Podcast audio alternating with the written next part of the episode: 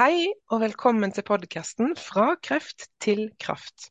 Jeg heter Veronica Lindholm, og jeg er både kreftsykepleier og tidligere kreftpasient. Og I dag så har jeg med meg en veldig spennende gjest, og det er deg, Ragnhild Funner. Velkommen. Tusen takk. Kan ikke du fortelle litt hvem du er? Ja, jeg heter som du sier Ragnhild Funner. Jeg har jobbet som tannlege i det er fælt å si det, men mer enn 30 år. Eh, og ved siden av det så har jeg jobbet med ernæring. Jeg er veldig opptatt av å tenke helhetlig, eh, holistisk. Så jeg, når jeg studerte, så var jeg veldig motstander av Magam allerede den gangen på 80-tallet. Eh, det er ikke det, I dag vet jeg selvfølgelig at plastfyllinger kanskje ikke er det beste alternativet, men det er faktisk bedre. Så ja, så jeg jobber som tannlege i mange, mange, mange år, og er vel også en av de tannlegene som er blitt motstander av fluor, fordi jeg har satt meg godt inn i problematikken og føler at det bør være Vi bør finne andre løsninger eh, enn det vi har i dag. Det, og det gjelder ikke bare tannhelse, men det gjelder faktisk hele Når det gjelder hele kroppen vår. Så jeg er den som sier til folk gå og kjøp oreganoolje. Ta noen dråper i vann og skyll munnen din med det istedenfor å kjøpe Listerin f.eks. Og det er jo akkurat grunnen til at jeg har invitert deg, Ragnhild. Fordi jeg er veldig opptatt av holistisk helse. Og jeg ønsker å bygge bro mellom det konvensjonelle og det alternative. Eller det helhetlige. Og tannhelse det opplever jeg er et litt sånn glemt område, og spesielt kanskje innenfor helhetlig helse. Um, men hvis vi skal begynne litt fra begynnelsen. Uh, tannhelse er jo noe som også har utviklet seg veldig de siste hva skal vi si, 50-100 årene kanskje, eller? Ja, selvfølgelig. Altså man, jeg vet, du husker bestemor, hun fikk jo, eh, fikk jo eh, proteser i konfirmasjonsgave. Sånn var det den gangen. Ikke sant? Ja, men det var det, og det husker tanta mi også. Så det, er jo, det var jo sånn det var. Eh, det var på begynnelsen av 19 århundre, ikke sant. Eh, så alt har utvikla seg voldsomt, og det har jo å gjøre med rent vann, mye bedre hygiene. Eh, det er vel de to tingene som er det aller, aller viktigste til at vi har så mye bedre helse i dag. Mm. Rent vann og god hygiene. Og helse, det begynner jo eh, Det har vel ikke noe begynnelse og slutt, men, men kroppen har jo en, en, start Altså, hulrommet til kroppen begynner jo gjerne i munnen. Ja. Ikke sant? Og det, er jo, det er jo der alt starter. Det vi får inn både gjennom pust og, og mat og bakterier og Det er så sant, og det sier jeg til Nå har jeg forelest i ernæring i 20 år også ved siden av, og eh, veldig mange i dag bruker faktisk munnen som en søppelkasse. Mm. Fordi det vi putter inn i munnen, det, skal, det, er jo det vi skal på en måte utvikle oss av. Det er byggestener til en kropp som skal være sterk. Og hvordan skal vi da klare oss sende til byggestener når vi putter i oss så mye dårlig mat? Ikke sant? Så har vi da alt som vi tannleger anbefaler, som tannkremer med fluor, masse giftstoffer. Altså det er så mange ting som vi putter i stakkars i det stakkars hulrommet, som du sier. Som, som, den må gjennom og prøve å skille ut alle disse stoffene. Så det er jo en av årsakene i dag, tror jeg, til at vi, har, vi begynner å få dårligere og dårligere helse. Men det syns jeg var et veldig fint uttrykk, at munnen blir en form for søppelkasse. Og jeg tenker at For min egen del så har jeg vært vant til å tenke at det jeg spiser, det påvirker kroppen min, men ikke munnen min. Var, altså, det, er, det, første stedet maten kommer inn, er jo selvfølgelig munnen. Og mm. vi som tannleger lærte faktisk mye mer om mat enn det leger gjør. Eh, fordi maten vår påvirker tennene så enormt. Ikke bare tennene, men bakteriefloraen vår eh, smaksløkene våre. Så det er det første stedet. Og eh, vi som tannleger burde være mye flinkere til å fortelle om hvilken påvirkning mat har på tenner. Bl.a. sur mat, søt mat. Vi vet jo alt det her med sukker, ikke sant. Hvor ofte vi skal spise. Det er mange sånne parametere som jeg syns det snakkes altfor lite om. Så, og sånn som f.eks. munnhulen, det første stedet vi ser kanskje om det er sykdom. Så munnhulen er ekstremt viktig. Mm. Jeg hadde egentlig tenkt å spørre deg om dette med mat eh, litt senere, men nå når vi er inne på det, kan ikke du fortelle litt om hva som er gunstig mat for munnhulen, da? Ja. Eh, gunstig mat for munnhulen er selvfølgelig altså selvfølgelig, det er ikke selvfølgelig for alle, men eh, det er grov mat. Mat som du må tygge. For tygge, f.eks. tygger du en gulrot, så renser du tennene. Eh, det som ikke er gunstig, er raffinert og fin kosthold, sånn som alt vi vet jo, vettemel. Alt som er hvitt, på en måte. Hvit ris, hvitt vettemel hvetemel, eller vettemel i seg selv. Gluten mm. Eh, er jo veldig i dagen i dag. Nå får du glutenfritt brød over hele verden snart. Eh, som en grovere mat det er, jo bedre er det for tennene. Jo finere mat det er, jo verre er det for tennene. For de setter seg innimellom tennene, setter seg ned i furer i tennene hvor vi kan få hull. Mye vanskeligere å holde det rent. Og det ligger fin mat langs tannhalser og imellom tennene, og har tendens til å ligge der mye lenger enn grov mat, selvfølgelig. Og da er sjansen for å få hull mye, mye større. Sjansen for å samle mye bakterier der hvor den fine maten ligger, er mye, mye større. For disse bakteriene som også lager hull, eh, de elsker jo den maten som er så liten og fin, kan du si, som er lett for de å fordøye med en gang. Mm. Og produserer disse, den oppveksten av bakterier, produserer syrer som igjen gir syreskader og hull i tennene. Mm. Hva med frukt og, og sånne ting, da? Eh, frukt er veldig sunt, og jeg anbefaler å spise frukt, men man skal ikke spise frukt i det daglige mellom måltidene. Fordi sukker er faktisk like farlig for tennene som vanlig sukker. Eh, Så når skal man spise frukt, da? Eh, man skal spise frukt enten rett før et måltid, eller rett etter et måltid, eller til måltidet. Så for meg, for mine pasienter, så sier jeg alltid at du skal la det gå tre timer mellom hver gang du spiser noe som helst som er søtt eller surt, bare drikke vann eller ta en kålbit eller noe som du vet er basisk eller ikke inneholder sukker. Så mellom måltidene, de tre timene imellom måltidene, de er hellige. Eh, fordi da har emaljen sjanse til å remineralisere seg igjen hvis den har vært utsatt for en syreskade si tre timer før eller to timer før. For emaljen må ha tid på å remineralisere seg igjen. Men som jeg sier, at om du skeier ut i helgene, det er ikke farlig det. Men det her er snakk om det daglige. Mm. Eh, det anbefales, altså Norske kostholdsråd er jo gjerne sånn at man skal spise eh, flere små måltider. altså at, eh, hva er det man sier, Tre hovedmåltider og så mellommåltider. Hva, hva, tenker du om det? Det er, det er, bare, det er helt forferdelig å høre. Og hver gang jeg hører det, så blir jeg nokså provosert, for det er jo tegn på igjen, som du sier, og vi har snakket om før, at de ser ikke på det helhetlige. Vi skal ikke spise mellommåltider, for det ødelegger tennene. Mm. Og man skal ikke spise så ofte. Vi trenger ikke spise så ofte. Og det er noe vi kan snakke om seinere, men sånn som jeg spiser aldri før klokka tolv, jeg spiser helst ikke etter klokka seks. For at kroppen må ha tid til å fordøye alt dette her. Vi må ta vare på det fine systemet vi har. Mm. Og så er det også en ting jeg er veldig nysgjerrig på, for det vet jeg at har veldig sammenheng med tannhelse. Dette, det er det med spytt. Eh, hvis du spiser hele tiden, påvirker ikke det også spyttproduksjonen, og dermed også tennene? Spytt er jo egentlig veldig fint, eh, og de som ikke har så mye spytt, de får mye hull. For spytt er med på å skylle bort bakterier og nøytralisere syrer. Så du kan godt si at det, akkurat den biten kan være bra, men det er jo ikke bra med overproduksjon av det heller. Eh, men eh, altså, bare for å si det sånn generelt sett, det er mellommåltid skader tennene bare. Fordi at vi får ikke tid til Emalien får ikke den tiden den skal ha til å remineralisere seg. Um, og spyttproduksjon vil jo være mye mer normalisert når du spiser uh, sjeldnere og ikke går og småspiser hele tiden.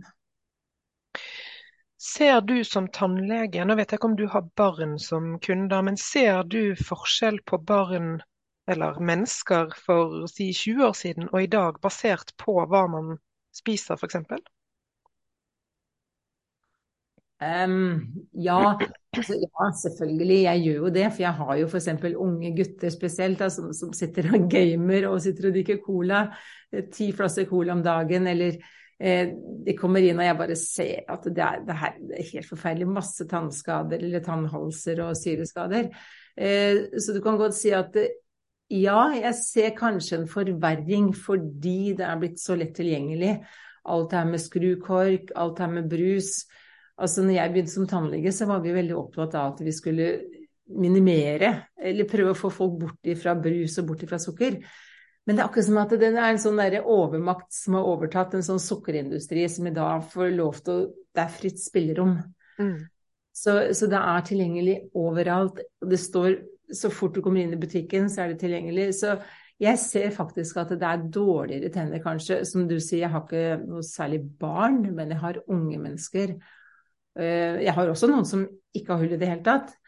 Men det er litt vanskelig å vurdere det helt, men jeg ser det i hvert fall det er lett tilgjengeligheten. Den har gjort at jeg syns at tannhelsen kan få være altså noe hos unge mennesker, ja. Mm.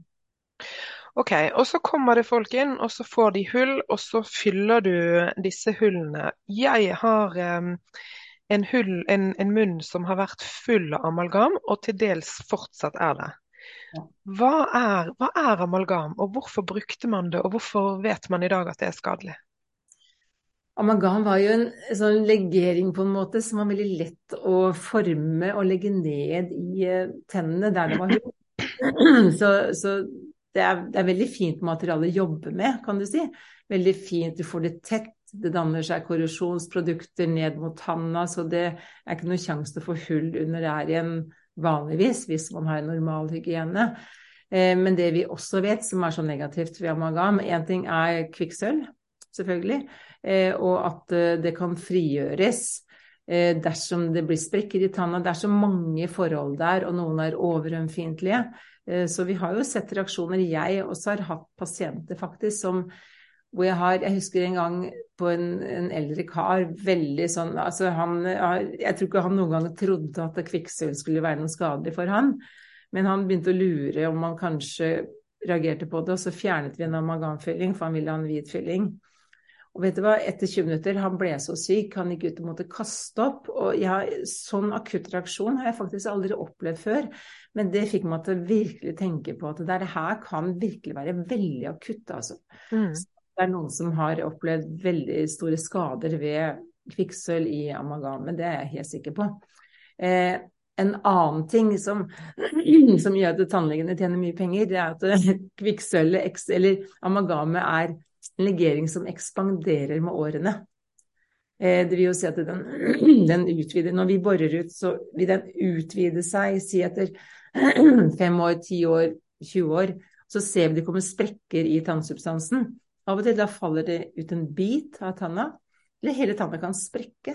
Mm. Så det lager veldig mye kroner takket være at amalgamet egentlig ikke er så veldig bra egnet for å ha i tenner allikevel. Jeg har opplevd akkurat det, og, og, jeg har gått mange runder med meg selv. Skal jeg bytte ut all den amalgamen jeg har, eller skal jeg beholde den? Hva anbefaler du? Altså, jeg anbefaler å bytte den ut. Fordi du vet aldri når den sprekken er. Og ofte så er de der. Vi kan se de. Allikevel så kan kanskje fyllingen ligge der fem år. Kanskje ti år, kanskje en måned. Ingen som vet. Mm. Og da har du en tann som er mye mer ødelagt. Så, så, jeg anbefaler faktisk å skifte ut alt amalgam. Men selvfølgelig, igjen er du overømfiendtlig. Man må passe på at man får sugd bort alt amalgamet, så ikke man frigjør noe damp. Men ofte så er kvikksølvet såpass bundet at det, ja, stort sett så skal det gå bra. Men et godt sug hos tannlegen er veldig, veldig viktig. Og det er noe de fleste tannleger er bevisst om, eller er det spesielt for deg at du er så bevisst på det? Nei, det, det, var nok kanskje spesielt for meg og Bjørn Oppedal for mange mange år siden i Tønsberg, men i dag så er det ingen som legger amalgam mer. Fordi Nei. vi er veldig, veldig bevisste det. Så, men, så... Men, men, dette med å fjerne amalgam, er det, er det, noe alle tannleger kan gjøre på en trygg måte? Så fremt suget er godt nok? Ja, det skulle være det, så sant de har godt nok sug. Men så er det jo noen da som vil si til meg at nei, Ragnhild, det der er helt feil, fordi du må ha sug over, og du må ha sånn, og du må ha sånn. Men ja, jeg skal ikke begynne å diskutere det med de, men jeg føler at det her, vi jobber i et sånn lite felt. At den dampen der oppe, hvis det kommer damp høyt opp, om det er så viktig, og om det skjer, det vet jeg ikke. Men jeg føler suget som du har rundt tanna for å få bort disse restene, det er ekstremt viktig. at Det er veldig, veldig godt. Mm. Man passer på å skylle. Skulle man søle bitte grann, suge opp med en gang. Eh, så, så, jeg tror de fleste med godt utstyr i dag kan gjøre det. Mm. Jeg er ehm, Jeg har jo, som, som, jeg sa, veldig mye amalgam i munnen. Kan det ha vært medvirkende Det blir jo bare spekulasjon, men kan det ha hatt en medvirkende årsak til at jeg fikk kreft, f.eks.? Vet du, Det er så vanskelig å svare på. Jeg har Mm. ikke lyst til å svare altså, Jeg kan jo ikke si noe om det. Nei da, det blir bare spekulering. Men, men Om, om du skulle ha en tann der hvor det er en sprekk i, og hvis det skulle være noen muligheter for at det skulle sive ut noe kvikksølv der, så teoretisk sett kanskje ja, en liten kontribuerer litt til det, men ja, veldig vanskelig å si. kan det på generelt grunnlag være sammenheng mellom alvorlig sykdom og tannhelse? Ja, det kan det selvfølgelig. Det kan det, fordi det er jo også en ting er bakterier, det er kvikksølv, og så er det overomfintligheter, ikke sant. Og det, det er det jeg også sier med oss mennesker, det er det som er så eh, skummelt å se innenfor både tannhelse og medisin, at vi blir behandla så likt. Vi, har, vi blir ikke behandla ut ifra alle individuelle variasjoner. For alt i oss, vi er ikke like naboene, ikke sant, når det gjelder hva vi spiser, medisiner, og noen røyker, ikke røyker, drikker. Altså det er så mange variasjoner. Så selvfølgelig tannhelse kan være med på å gi sykdom andre Mm. steder. Jeg har et spørsmål som er ganske stort, og du begynte å pense litt inn på det i starten. Um, jeg er, da jeg var liten, så kjøpte mine foreldre tannkrem uten fluor. Og da jeg selv fikk barn, jeg har to barn, så har jeg pusset tennene deres med fluor, riktignok, men jeg fikk alltid kjeft når jeg hadde barna til tannlegen fordi jeg ikke ga de fluortabletter. Um, og for meg så har det alltid føltes veldig eh, intuitivt galt at barna mine skulle svelge fluor. Hva tenker du om fluor? Og vi kan begynne med små barn. Hva skjer når et lite barn skal tygge en fluortablett hver morgen og hver kveld, eller en gang om dagen, kanskje? Altså, jeg er total motstander av fluor, fordi jeg vet hvor skadelig det er. Og heldigvis så har de nå Det har vært en studie i Oslo hvor faktisk de konkluderer med at små barn under to eller tre år ikke skal bruke både fluor og fluortabletter samtidig. Så du er veldig smart, Veronica. Takk. Men, ja, men du, det her å lytte til intuisjonen sin, det er så viktig, altså. Mm. Eh, og det er også det har blitt mer og mer kontroversielt det her, heldigvis. Jo mer jeg googler og leser, ikke sant? jo mer moro er det å se at det er faktisk det er en del tannleger som begynner å bli veldig bevisste her. Eh, og det her, for et lite barn å tygge en fluortablett, skal det inn i systemet til et lite barn. For det første så reagerer det med skjelettet. Eh, og jeg leste et sted at barn under ett år som får fluortabletter, 80% av det binder seg til skjelettet. Det er mye. Det er nokså skremmende. Men hva skjer, og gjør det noe at det binder seg til skjelettet? da? Ja, fordi at du binder jo opp kalsium. Som gjør at for det første så får du mindre kalsium i systemet ditt, og så får du et skjel- skjelett som blir stivere. Fordi eh, fluor er ikke et naturlig Skal ikke overta posisjonen da til kalsiumionet Mm. eh, på enkelte steder, eller binde det opp så at ikke det får den rette funksjonen i skjelettet. Eh, vi har noe som heter um, skeletal fluorosis, det er sånn skjelettfluorose som er et problem over hele verden.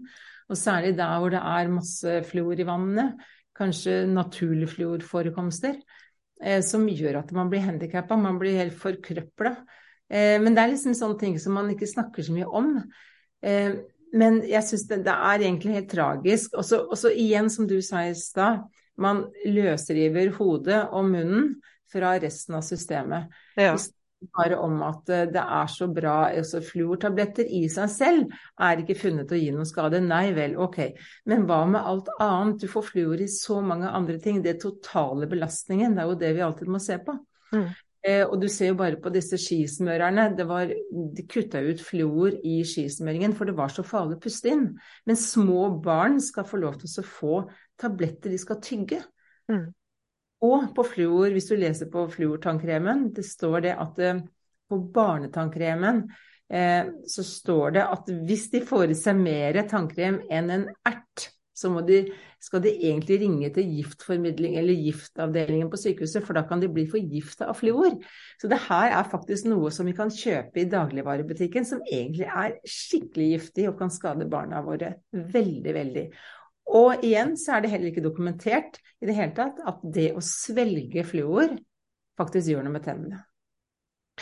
Men vi har jo unektelig fått bedre tannhelse. etter at fluoren ble innført. Og fluor har jo blitt promotert som noe som egentlig har reddet tannhelsen, i hvert fall i, vi som bruker, i Vesten som bruker fluor. Mm. Stemmer ikke det? Eh, både ja og nei. Du kan godt si at det kan ha hindra eh, noe Altså noe karies eller hull på tennene enkelte steder, ikke sant. Men jeg føler at det som har vært eh, det viktigste er den hygieneforandringen vår. Det her bevissthet rundt tenner. Vi bruker tanntråd, vi bruker tannstikker. Vi går faktisk til tannlegen mye oftere. Jeg føler faktisk personlig at det er en viktigere årsak til god tannhelse enn fluor. Mm. Og så blir jeg litt sånn Jeg blir veldig provosert av at samfunnet i dag er sånn at vi skal ha en quick fix. Vi skal ikke gjøre noe selv. Hvis du spiser sunn mat, grå mat, ikke ta sukker og sånt mellom måltidene, som jeg sa i stad. Eh, gjør disse tingene som krever faktisk at du må tenke selv. Det krever at du må faktisk ha et ansvar selv. Da trenger ingen fluor, og da vet jeg at da kan jeg si tannkrem med fluor har ikke kontribuert til noe som helst. Det hadde ikke gjort det hvis vi hadde levd sånn og tatt ansvar for hvordan vi spiser og hva vi putter i munnen vår. Mm. Jeg må si, jeg hadde en del hull som barn. Jeg fikk ikke fluortannkrem, men jeg stiller også spørsmål mm, til hvor godt jeg egentlig fikk pusset tennene som barn. Og jeg tror der kanskje hovedproblemet, eller at det kanskje var hovedproblemet. Men det jeg kjenner, det er at det har jo gitt meg en eh, nesten en sånn ryggmargsrefleks på at jeg må pusse tennene, og jeg må ha fluortannkrem, fordi at jeg skal ikke tilbake dit hvor jeg hadde mye hull i tennene. Ja.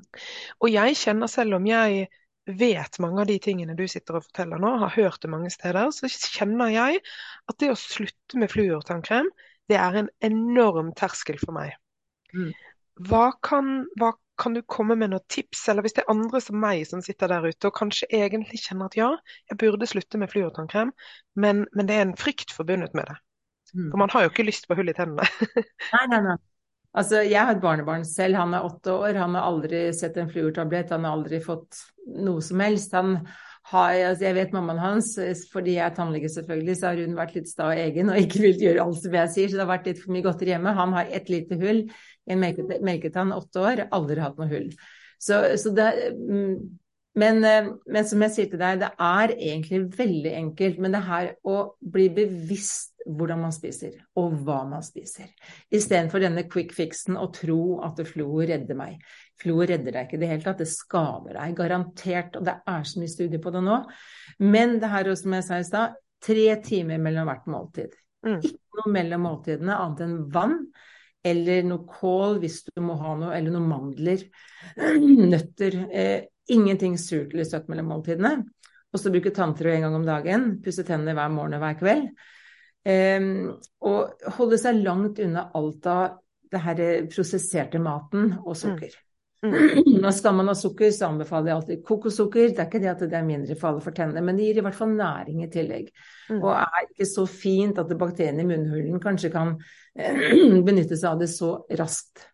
Men gjør noe selv, som jeg sier til alle folk. Kutt ut den mellommåltidsspisingen. Kutt ut den fine maten som ødelegger tennene. Mm.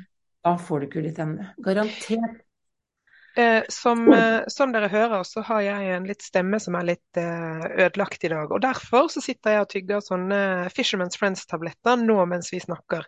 Hva kan det, altså tyggis eller pastiller, eller eh, hva kan det gjøre negativt eller positivt for munnhulen?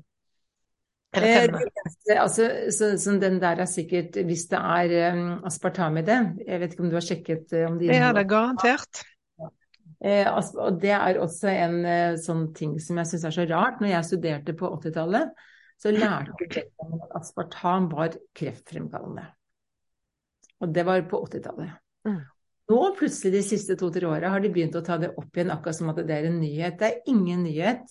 Det har vært der bestandig. Det er på en liste over kreftfremkallende stoffer, og er faktisk en, en erstatning for sukker man ikke burde innta. Mm. Overhodet. Så eh, hva det gjør med munnhulen, selvfølgelig Det du kan, det du må finne, det er noe som inneholder xylitol. For xylitol er et bjørkesukker eh, som lurer bakteriene i munnhulen, som faktisk er veldig bra. Ja. ja. Så når man spiser det, så igjen, du lurer bakteriene, så de, ikke, de tar det opp på en måte Jeg tror de dør, nå tør jeg ikke si det helt sikkert, men de klarer ikke å produsere syre. Det gir deg ikke noe hull i tennene. Og xylitol, som sagt, er naturlig, det er heller ikke farlig for resten av systemet. Mm.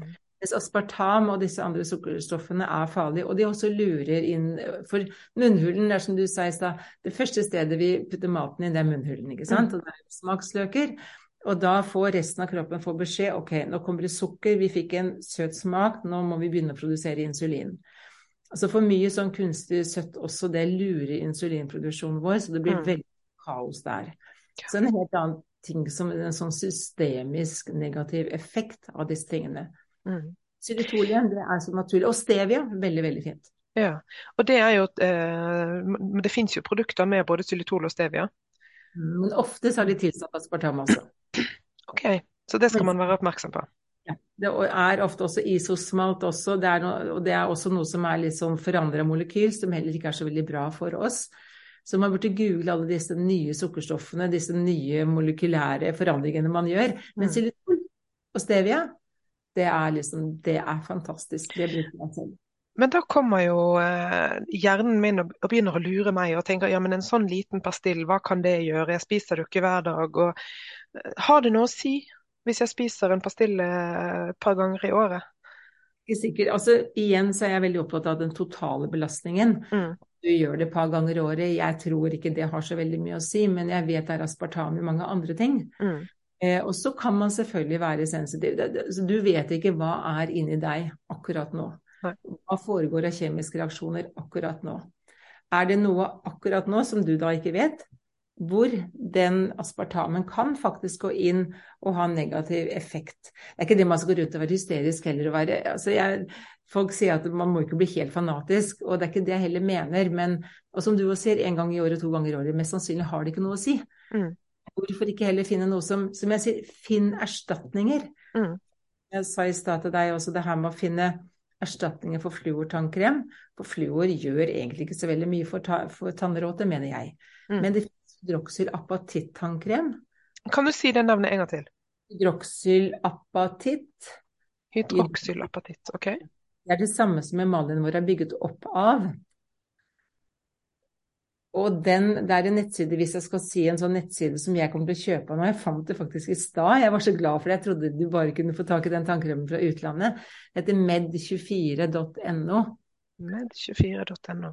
Ja, og der har de den, og den kosta bare en femtelapp for en tube, og det er til barn også. Ja. Og den er faktisk dokumentert at det går raskere inn, eller den går rett inn i disse re- eller demineraliserte områdene som da bakterier kan ha ødelagt, og kan erstatte emaljen på en måte og reparere den mye kjappere. Hva, hva gjør du selv, Ragnhild? Hva bruker du? Jeg bruker eh, tannkrem fra helsekostbutikken som inneholder minst mulig kjemikalier. Altså ja. fluor. Ikke fluor? Nei. Nei. Det var et viktig poeng.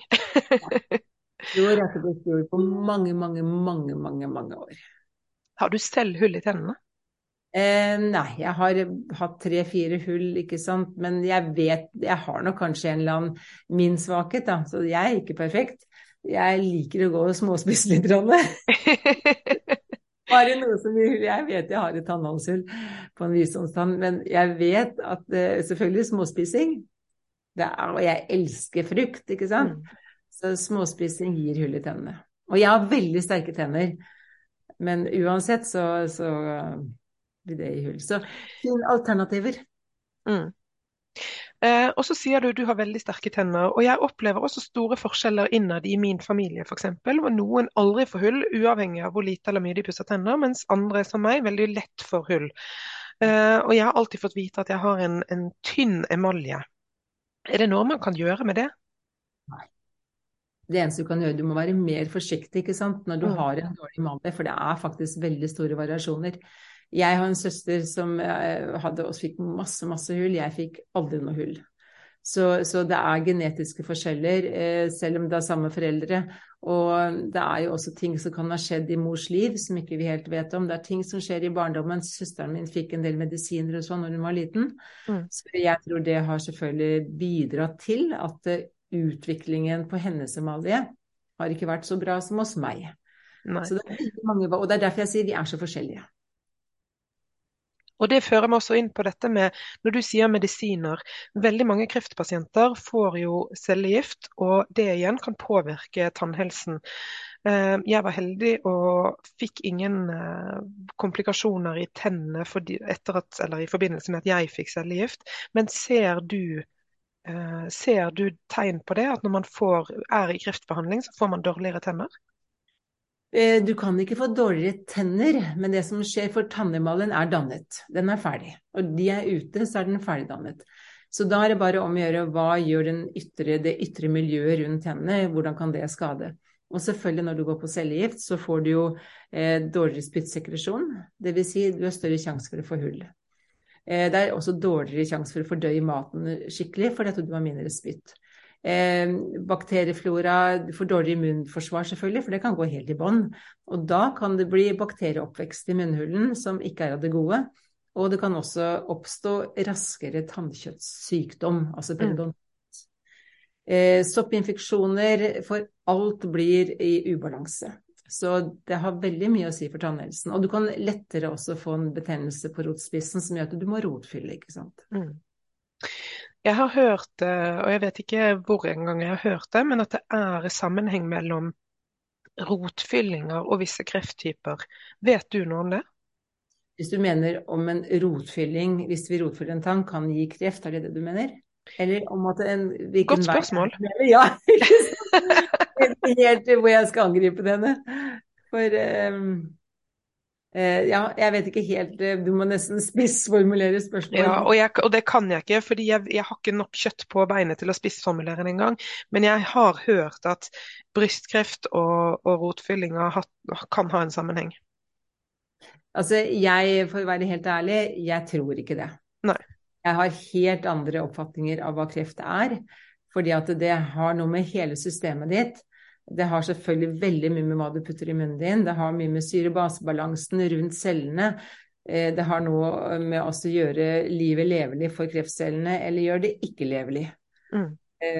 Sånn som jeg mange ganger sier, det her å faste i 14 dager, bare drikke vann i 14 dager. Ingen kreftceller nesten klarer å overleve det, f.eks. Mm. Så, så, det er eh, Nei, altså Jeg også har hørt det du sier, at det der med rotfylling er så forferdelig, og noen velger å ikke gjøre en rotfylling. Ok, men jeg, det er så snevert. Da igjen angriper vi bare en bitte liten del, og så glemmer vi oss i helheten. Mm. Men, men, jeg opplever at mye av disse ryktene som kanskje florerer, er nettopp det. Det er rykter. Um, og en annen ting som jeg har tenkt mye på, det er dette med visdomstenner. De Jeg har trukket to. Hva er fordelen og ulempene med å trekke visdomstenner? Det er jo noe altså, man gjør veldig lett i Norge. Ja, det er det. Jeg syns kanskje, i hvert fall tidligere, så gjorde man det altfor lett. Fordi man på en måte, Det var jo ikke akkurat som før i gamle dager, heldigvis før jeg studerte. Så boret man jo opp seksårsekslene, ikke fordi det var hull der, men fordi at man visste det kom til å bli hull der. Det er jo helt tullete. Det var en preventiv boring. Mm. Eh, og det hadde man også tendens til tidligere, å ha en preventiv ekstraksjon eller fjerning av visdomstenner. Jeg syns det er helt feil. Jeg trekker ikke visdomstenner hvis ikke jeg ser at de kan skade tanna foran, eller at det er veldig vanskelig å holde det rent der, eller at den ligger helt feil. Mm. Nye, jeg har aldri fjernet noen visdomstenner. Så, så, ja. så, men i dag tror jeg også de fleste tannlegene er eh, de, de trekker ikke så mye tenner som vi gjorde før, og trekker heller ikke så mye visdomstenner som vi gjorde før. Nei, fordi Altså tenner, vi, vi, startet jo med å snakke om at det er helhetlig helse. det Henger, alt henger sammen. Og jeg tenker at Tennene er jo knyttet ned til kjevebenet, og kjevebenet er knyttet opp mot skallen. Og der ligger hjernen. Vi er jo ganske tett på hjernen. Kan, har det noe sammenheng, tror du? Um, altså, alt er jo sammenheng, men hjernen, hvis du ser hjernen øh, si isolert sett, da, så er den så beskytta. Mm. Eh, at eh, jeg har aldri vært borti noen sånne skader som egentlig har påvirka hjernen i og for seg på den måten, som du kanskje tenker. Mm. Selv om det er veldig nært, ja. Det er litt sånn skummelt å tenke på hvor nært det er. Men du vet, vi har nese og bihuler, og rett bak der er hjernen. Mm. Og selvfølgelig kan du, du kan jo da også teoretisk sett, bare for å være virkelig sånn, tenke på hva som kan skje av farlige ting, så er det jo Det verste som kan skje, er jo egentlig hvis du får en betennelse i overkjeven, og det er røtter som går nesten inn i bihulene, for det ser vi nokså ofte. Mm. Det ligger innover der, ikke sant, så de ligger jo ikke åpne. Og hvis den betennelsen får lov til å gå over lang, lang, lang, lang tid, ingen gjør noe med den, pasienten vil ikke gå til tannlegen, så kan det selvfølgelig gå inn i bihulene. Og i verste fall så kan det faktisk spise seg hull inn i hjernen, ikke sant, så teoretisk sett. Men det her er noe jeg aldri har opplevd. Men jeg vet at det, fordi det er så nærme hjernen, selvfølgelig aller sånn sånne verste tilfellet kanskje det skjer i u-land. Mm. Jeg jeg aldri hørt om at det har skjedd her. Eh, så um, Men la oss hoppe videre, for jeg, dette er eh, litt sånn eh, høytflyvende spekulasjoner. Men sånn, litt samme tema likevel. Før vi begynte, så var vi så vidt inne på dette med fluor og IQ. Kan du si noe om det har en sammenheng? Ja, det har det. Og det er, eh, det er nå Jeg tror jeg fant at det var over 60 studier som viser fordi fluorioner er nervetoksisk. Det binder seg ikke bare til skjelett og lager skjelettskader, kan lage leddgikt, det kan lage muskelsmerter, det, kan, det gjør veldig mange gærne ting, men det binder seg også til nerver i hjernen. Eh, og det er som sagt over 60 studier som viser, og de har ikke gjort de studiene selvfølgelig i USA, for der har de fluoridering av drikkevannet, men de har gjort det i Kina, på kinesiske barn.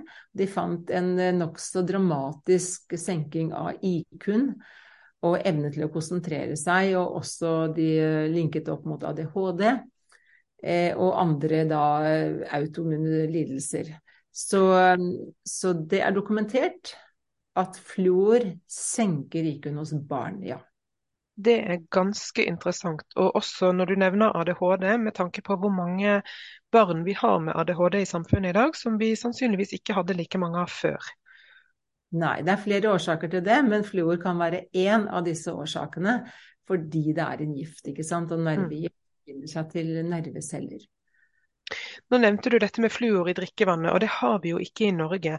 Men får norske barn allikevel eh, like mye eller tilsvarende mengder fluor i seg som f.eks. For USA, fordi vi er så nøye med munnskyld og fluortabletter og tannkrem? og Altså, det er veldig vanskelig å si. Eh, fordi man må igjen tenke på hvordan lever barna i USA. ikke sant? Drikker de vann rett fra springen, eller kjøper de vann? Så, men selvfølgelig, eh, jeg vil jo tro at barn i USA kanskje får enda mer i seg hvis de er like nøye med tannhygiene sånn som vi er her. Men som du også sier, eh, vi er jo veldig flinke da, til å adlyde norske folk. Altså, norske folk er jo litt sånn sauer. Mm. Vi gjør det myndighetene sier uten å Mm. tenke. Ikke sant? Og fordi at og kjører vi på med litt ekstra fluortabletter her og der. Og det er jo egentlig direkte skadelig. Så det kan jo hende fordi vi er så pliktoppfyllende som nasjon, at vi faktisk har mer fluor i oss enn amerikanske barn. Og særlig da i den delen av amerikansk befolkning som ikke har så god råd, ikke sant. Som da ikke har råd til fluortabletter, kanskje. Mm. Så det, ja, er vanskelig å si, men vi har nok nok fluor i oss, ja. Det, Mm. Eh, jeg vet ikke om andre kilder til fluor i det norske samfunnet. Er det andre steder vi, vi får i oss fluor uten at vi kanskje er klar over det? Du får det gjennom, kan få det gjennom sjampo og mat, eh, hermetikk, hermetisk eh? Det, det fins i mel, hvettemel. Det er veldig mange kilder som vi kan få fluor i oss fra. Så vi får nok fluor. Fluor er jo noe vi skal ha, men det skal være så ekstremt lite. Mm. Fordi det er egentlig i litt større mengder et giftstoff. Det er på, i samme linje som kvikksølv, bly og sånne, sånne ting. Sånne farlige eh, atomer som vi ikke skal ha i oss. Ja. Det er veldig interessant. Ragnhild, vi eh, har snakket en stund og vi har vært mye inn på fluor, men jeg har ett spørsmål sånn litt mot slutten nå, som jeg vet veldig mange lurer på. Mm. Eh, fordi igjen så er det rykter, men det går rykter om at bedøvelsen man får hos tannlegen, den inneholder ting som ikke er helt bra. Kan du si noe om det? Eh, Ja, eh, ja og nei. Eh, Det er, det, er, det er et veldig vanskelig tema, egentlig. Jeg kan selvfølgelig for lite om det til å si at ja, sånn er det, eller sånn er det ikke, men jeg har begynt å sette meg litt inn i det og lese om det. Og jeg har jo blitt litt overraska når jeg ser at det er faktisk dokumenterte kilder som sier at ja, de, om de har begynt å tilsette stoffer nå, eller om det har vært gjort gjennom alle år, det kan jeg ikke si noe som helst om. Men det viser seg i analyser at den, altså den bedøvelsen kan inneholde stoffer som absolutt ikke har noe med bedøvelse å gjøre og ikke skal være der. Men hvor mye, hvor utbredt? Jeg er ikke den rette enda til å spørre om det, men eh, jeg syns det er skremmende, i hvert fall det lille har lest. Mm.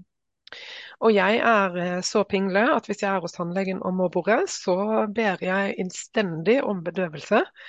Eh, men det er kanskje noe jeg burde revurdere. Altså, jeg er kjempepysete, jeg også, så jeg hadde aldri klart å bore en tann uten bedøvelse. Så da tenker jeg at da får jeg leve enda sunnere enn det jeg gjør. Og så vil jeg ta en sjanse på å få bedøvelse. Som, jeg, altså, som du sa i stad, noe eh, aromatiske urter eller essensielle oljer kan kanskje virke som en bedøvelse. Jeg har aldri prøvd det sjøl. Men det høres veldig spennende ut, så jeg finner gjerne et alternativ, for jeg må ha bedøvelse. Ja, eh, jeg også. Og, det blir litt sånn pest eller kolera for meg, fordi jeg er veldig pingle. Men jeg har lest et sted, eller så noen som hadde brukt eh, eteriske oljer. og da hadde de blandet eh, oreganoolje også noe som heter clove, og det er nellikspiker, så vidt jeg husker. Har den her hjemme? Ja, jeg har den også. Så jeg tenkte kanskje jeg skulle prøve neste gang jeg var hos tannlegen, men uh, Smører du ja. det bare på utsiden, da? Jeg, det der kan jeg veldig lite om. Ja, jeg kan heller ikke nok om det, men, men jeg tenker at det, det er kanskje verdt et forsøk. Og så får man jo bare stoppe underveis hvis man ser at dette var ikke det virker på meg, men jeg prøver gjerne. Ja, Men det er veldig godt å høre en tannlege som selv trenger bedøvelse. Det blir jeg veldig glad for, for jeg føler meg så pinglende hos tannlegen. Nei, det er ikke alene, altså. Det... Ragnhild, vi beveger oss mot slutten, men har du noen gode tips? Um, kanskje, kanskje, vi skal dele opp dette.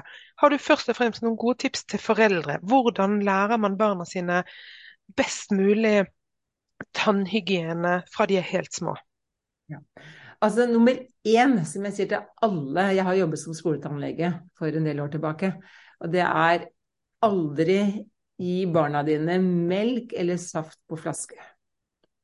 Lær barna dine opp fra de begynner å sutte på en flaske, at det, enten så er det morsmelk, eller så er det vann på denne flaska. Det skal mm. aldri inneholde vann. Og jeg har hatt så mange foreldre som har kommet med barn til meg når jeg jobber som skoletannlege, og jeg var så sinna på disse foreldrene. Og det er, jo ikke, det, er, det er jo en del år siden, da, men uansett. Det var å snakke om fluor. Da hadde ikke fluor gjort noe som helst. for Det var rasert munn. Det var så mye hull på enkelte barn. Forferdelig å se. Mm. Det er kun foreldrenes skyld, fordi de får boller, de får brus, de får alt det her som er farlig. Så nummer én er maten. Hva gir du barnet ditt? Mm. Ikke la munnhulen være en søppelkasse. Ikke gi disse tingene imellom måltidene eller til enhver tid fordi ungen skriker og skal de ha saft istedenfor vann. For Guds skyld, ta vare på barnet ditt, for det er å mishandle barnet ditt. Jeg går så sterkt ut, for jeg vet hvilke smerter de barna får hvis foreldrene ikke passer på dette her.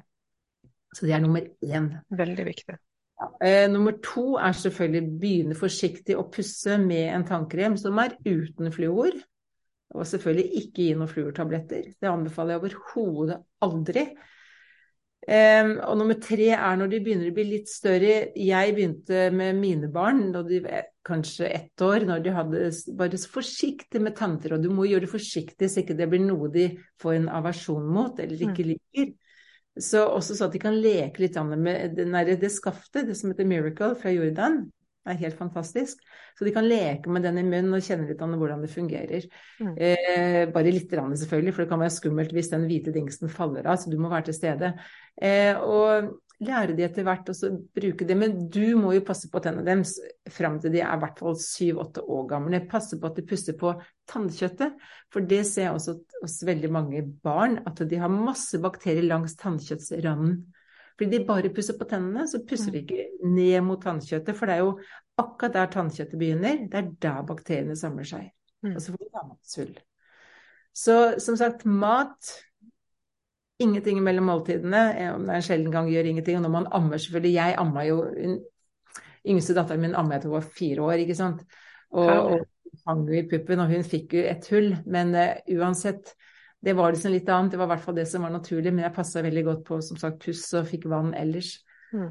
Og, og så da kjøpe tannkrem som da inneholder hydroxyapatitt. Mm. Og det, det, skal vi eh, skrive i kommentarfeltet også, sånn at uh, folk kan søke det opp. Ja, og det koster 50 kroner for en, en tube. Og jeg synes det, og det fins for voksne også, så jeg skal nå gå og bestille en til meg selv. Jeg fant den takket være dere her, så fant jeg den. Og jeg ser også Jordan har faktisk kommet med en sånn biotannkrem, ikke med hydroksylapatitt, men de begynner, for de skjønner de må følge den eh, våkenheten som nå begynner å komme blant, eh, blant, publikum. Og Det var bra du sa, for det er flere og flere som blir oppmerksom på dette. Og jeg hører stadig folk lurer på disse tingene. Så, så det er supert at vi kan ha denne samtalen og sette fokus på det, for jeg vet mange trenger å høre det. Ja, ikke sant. Mm. Og vi må opplyse folk om det som er naturlig og riktig, og ikke mm. bare følge det her A4-mønsteret som gjør at ingen tenker selv. Og så må vi ta ansvar for helsa vår. Ja. Og helt til slutt, noen tips hvis eh, man er voksen som meg og kanskje har hatt sin eh, andel av hull, og det sitter på ryggmargen at man bruker fluortannkrem og eh, alt går litt sånn på autopilot. Hva er det beste tipset du kan gi til en som meg, f.eks.? Altså, det beste tipset er, som jeg igjen sier om barn, og som jeg, vi har vært litt inne på, det er ha disse tre timene mellom hvert måltid. Minst tre timer. Kanskje fire-fem timer. Eh, og egentlig så bør man, fordi jeg underviser ernæring i mange år, nå skal vi ikke gå inn på det, for jeg vet det er en digresjon, men man bør egentlig ikke spise annet enn mellom klokka tolv og seks. Og så la kroppen få lov til å skille ut giftstoffer og sånn på andre, andre, de andre timene. Da får man også en tannhelse som er helt fantastisk. Mm. Så ikke mellommåltidsspising, sukker, og ikke spise noe særlig prosessert mat. Bruke tanntråd en gang om dagen, pusse hver morgen og hver kveld. Og så pusse med myk tannbørste. Det har vi ikke sagt, men jeg kan jo si det fordi mm. mediumet har, de er faktisk såpass harde. Man tror ikke liksom, at det kan skade mallen, men faktisk så gjør det det. Mm. Eh, altså må man ikke stå og gnikke på tennene så innmari hardt, for det er ikke det som trengs. Det viktigste hygienen vi gjør, det er egentlig ikke tannpussen. Merkelig nok, det er faktisk tanntråden, den som går imellom tennene, for det er der bakteriene gjemmer seg. Og der eh, har jeg en jobb å gjøre, for jeg glemmer tanntråden med jevne mellomrom, så eh, takk for påminnelsen. Eh, herved notert. Og så skal du jo, jeg må si en ting som er veldig veldig viktig, som jeg anbefaler veldig mange. Det er at hvis du føler at du må skylle med noe, eller vil skylle med noe, eller er vant med listerin, vant med andre ting som du har gått og skylt med, så kjøp deg oreganoolje. Eller T3-olje. Det fins masse aromatisk olje, men oreganoolje liker jeg så godt, for den er veldig antibakteriell. Det er også litt synd. Altså her har vi, vi har så mye urter som dreper så mye bakterier på en god måte uten å lage bivirkninger. Og så tenker folk heller nei, vi skal gå på apoteket og kjøpe ting som egentlig er giftig. Mm. Så ta noen dråper oreganoolje i vann. Skyll munnen kanskje hver dag, og særlig hvis man har noen betennelser. Så la det være i munnen en time. Det samme med kokosolje, som også dreper bakterier og sopp. Som, sånn der pull oil pulling, som det heter. Mm. ikke Ta kokosolje også en gang om dagen, skylle godt imellom tennene, går som mellom tennene, du, mm. men gjør det etter du har brukt tanntråd. Mm. For da har man åpna opp, og da kommer disse, disse eh, oljene inn der de skal, og gjør at fremveksten av nye bakterier den blir så lav. Mm. Det er fantastisk. For å, det er forebyggende helse. Det skal jeg gjøre med en gang. Jeg har eh, oreganoolje og jeg har kokosolje, så da er det bare å eh, sette i gang. Ja, så bra. Ragnhild Funner, hvor finner man deg? Du finner meg, jeg jobber nå bare en dag i uka som tannlege, for jeg driver med mye annet, men jeg er i Tønsberg. Eh, jeg solgte praksisen min i 2014 til en dame som driver den nå, og den klinikken heter Ditt Smil. Ditt Smil.